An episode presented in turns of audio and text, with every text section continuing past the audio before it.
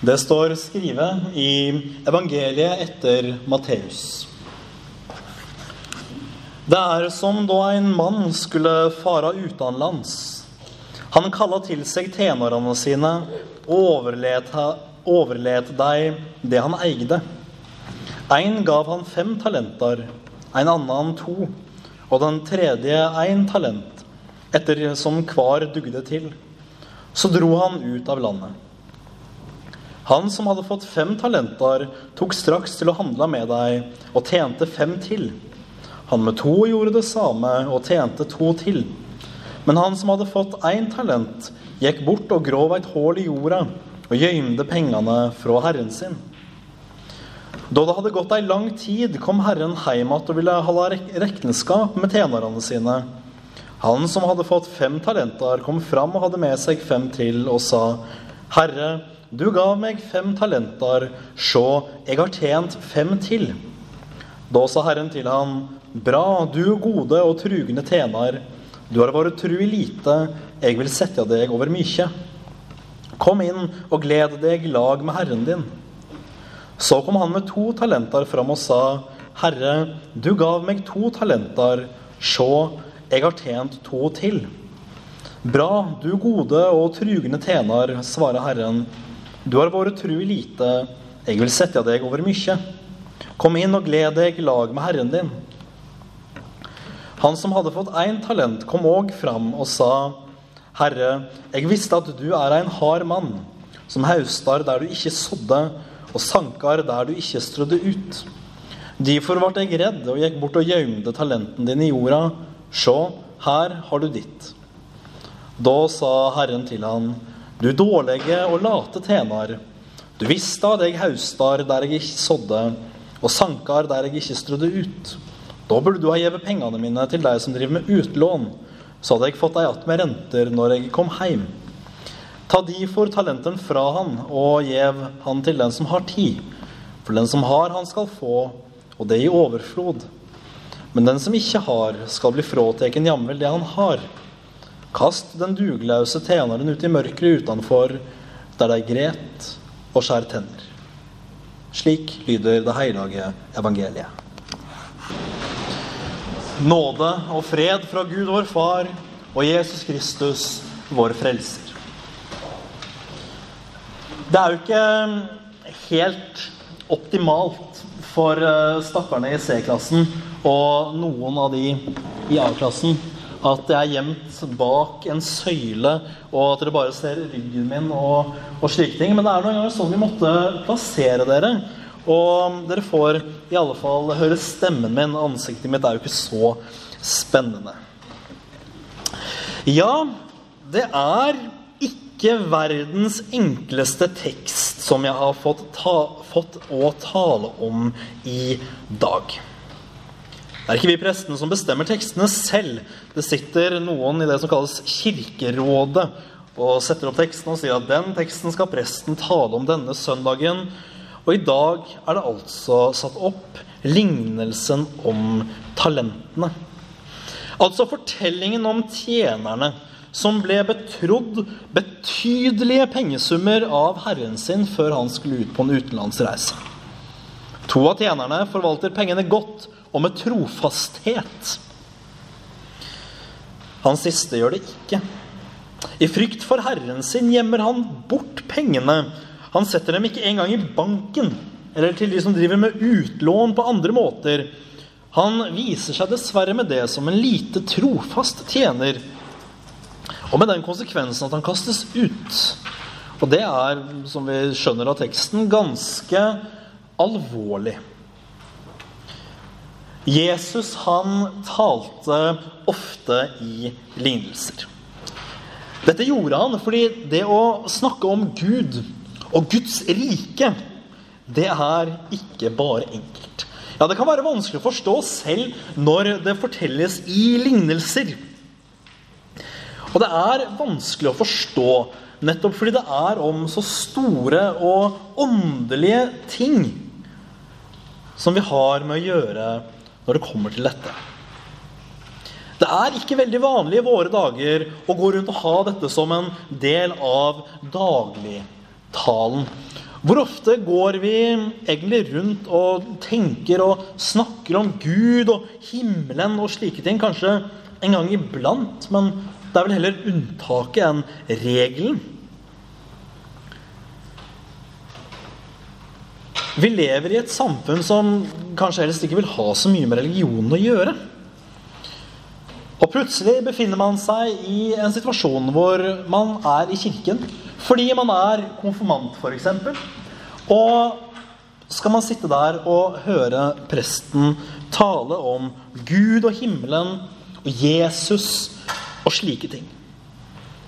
Og jeg forstår det veldig godt dersom noen av ordene jeg bruker, er ukjente og fremmede. Det er ikke så veldig rart. Fordi det er ingen andre steder enn i kirken vi bruker mye av det språket vi bruker her. Og det er bare en oppfordring til om altså Hvis det er et eller annet jeg sier som dere tenker er helt sånn Hæ? Hva i alle dager betyr det der?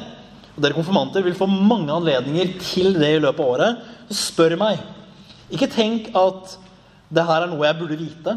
Presten syns sikkert jeg er dum hvis jeg spør. Nei. Spør. Spør, spør, spør. Det er en veldig god måte å lære ting på. Men her har vi altså da foran oss en lignelse som Jesus har fortalt. Og for å bli klok på denne lignelsen så er det to ting vi er nødt til å gjøre. Det første er å se hva lignelsen egentlig forteller oss om Gud. Og om, om det å leve som en kristen.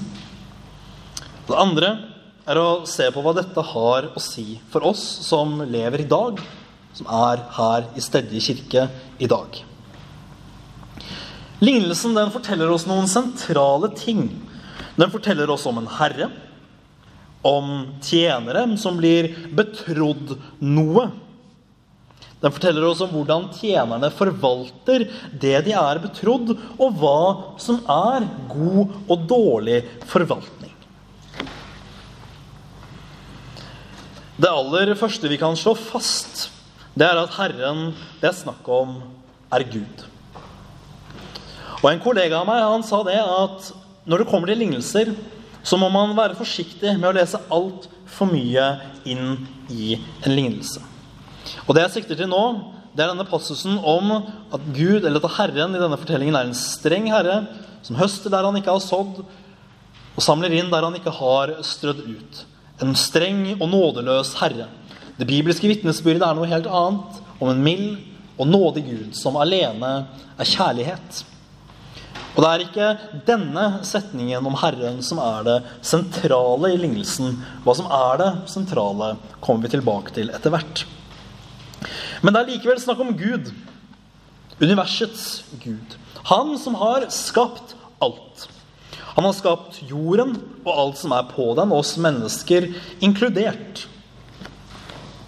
Oss mennesker har han skapt på en spesiell måte. På en måte han ikke har skapt noe annet. Han skapte mann og kvinne i sitt bilde. Og det er ganske stort og utrolig. I lignelsen så har vi også tjenerne. Satt av Gud til å tjene i verden. Det er oss. Mens vi venter på den dagen at Jesus Kristus kommer igjen.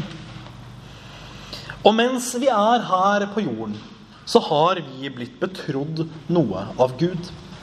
Hva er dette? Hva er det vi har blitt betrodd? Lignelsen forteller oss at vi har blitt betrodd talenter. Men det er viktig å ha med seg her at talenter her ikke er ment som vi gjerne bruker det i dag. Ofte snakker vi om talenter som noe vi er veldig gode på.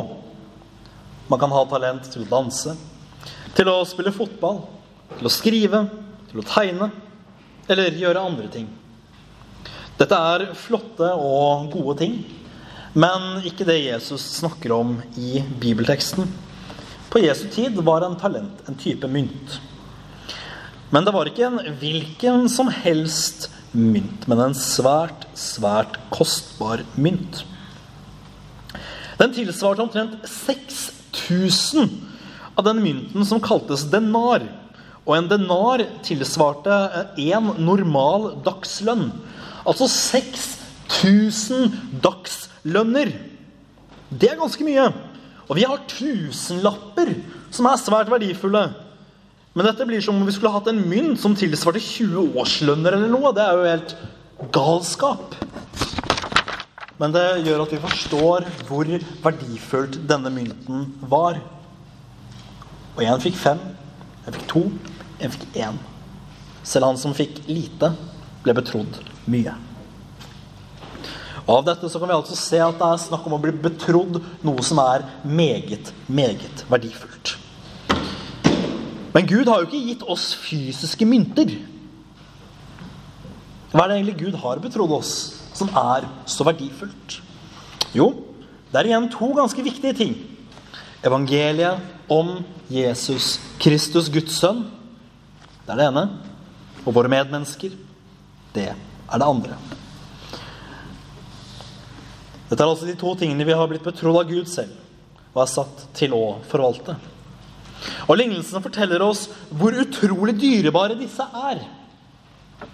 Evangeliet er naturligvis helt, helt sentralt. Dette er det Kirken og alle kristne er satt til å forvalte og ta vare på. Dette er evangeliet, altså med stor E. Budskapet om at Jesus Kristus ble menneske. Og det ble han for å ta på seg alle våre synder. Han skulle lide og dø i vårt sted. Og så sto han opp fra de døde i herlighet. Mennesket er syndere, men Gud er oss nådig. Han tilgir oss syndene for Jesu Kristi skyld. Dette er evangeliet. Det er en stor skatt som vi er satt til å forvalte, og som er gitt oss av Gud. Videre er vi også satt til å tjene våre medmennesker. Martin Luther, han som eh, reformerte vår kirke, han sier dette tydelig. Vårt kall er til å tjene våre medmennesker med det han eller hun trenger til enhver tid av oss. Og da kan man også ta, ta med noen ord om at Gud også har gitt oss særskilte evner, ting vi er gode på, ting vi kan gjøre bedre enn andre, ting vi kan se bedre enn andre. Så vi skal tjene våre medmennesker med det de trenger, men også med de evner som Gud har gitt oss. Vi skal strekke oss langt, elske alle mennesker så godt det lar seg gjøre, tjene våre medmennesker i ett og alt. Så til slutt. Hva tar vi med oss om hvordan vi kan leve ut dette som kristne? La oss ta evangeliet først. Vi er som nevnt satt til å forkynne dette budskapet klart og rent. Det er en viktig oppgave som kristne. Og dette gjelder oss alle. Vi er alle tjenere i Guds kirke og har fått denne oppgaven. Det betyr at vi har et ansvar om å være tydelige om synd og menneskets tilkortkommenhet, men også om Guds uendelige nåde og kjærlighet. Vi må aldri formørke eller bortforklare dette herlige budskap om at Gud for Jesu Kristi skyld tilgir oss alle våre synder. Men også våre medmennesker trenger oss hver dag. Det er uendelig viktig. Vi må tjene og elske alle vi møter. Med gode ord, praktiske tjenester og alle slike ting. På denne måten utfører vi også det Gud har satt oss til her i verden. Og aldri overse eller gå forbi de som måtte trenge vår hjelp, støtte og godhet. Det er den som er på eventyr i sakristiet. Det skal han bare være. Vi må også ha med oss at det ikke er tjenernes vellykkethet som får innvirkning på belønningen de får. Det er sentralt. Det er veldig, veldig sentralt. Som tjente, tjeneren som tjente fem, og den som tjente to, ble belønnet med det samme. Det var altså ikke hvor vellykkede de var, men det var trofastheten deres som Herren verdsatte. Vi som er kristne, vi som er døpt til Herren Jesus Kristus, vi skulle da også se til at vi utviser den samme trofastheten mot det vi er satt til å forvalte.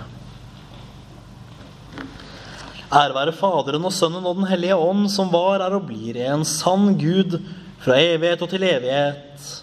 Amen.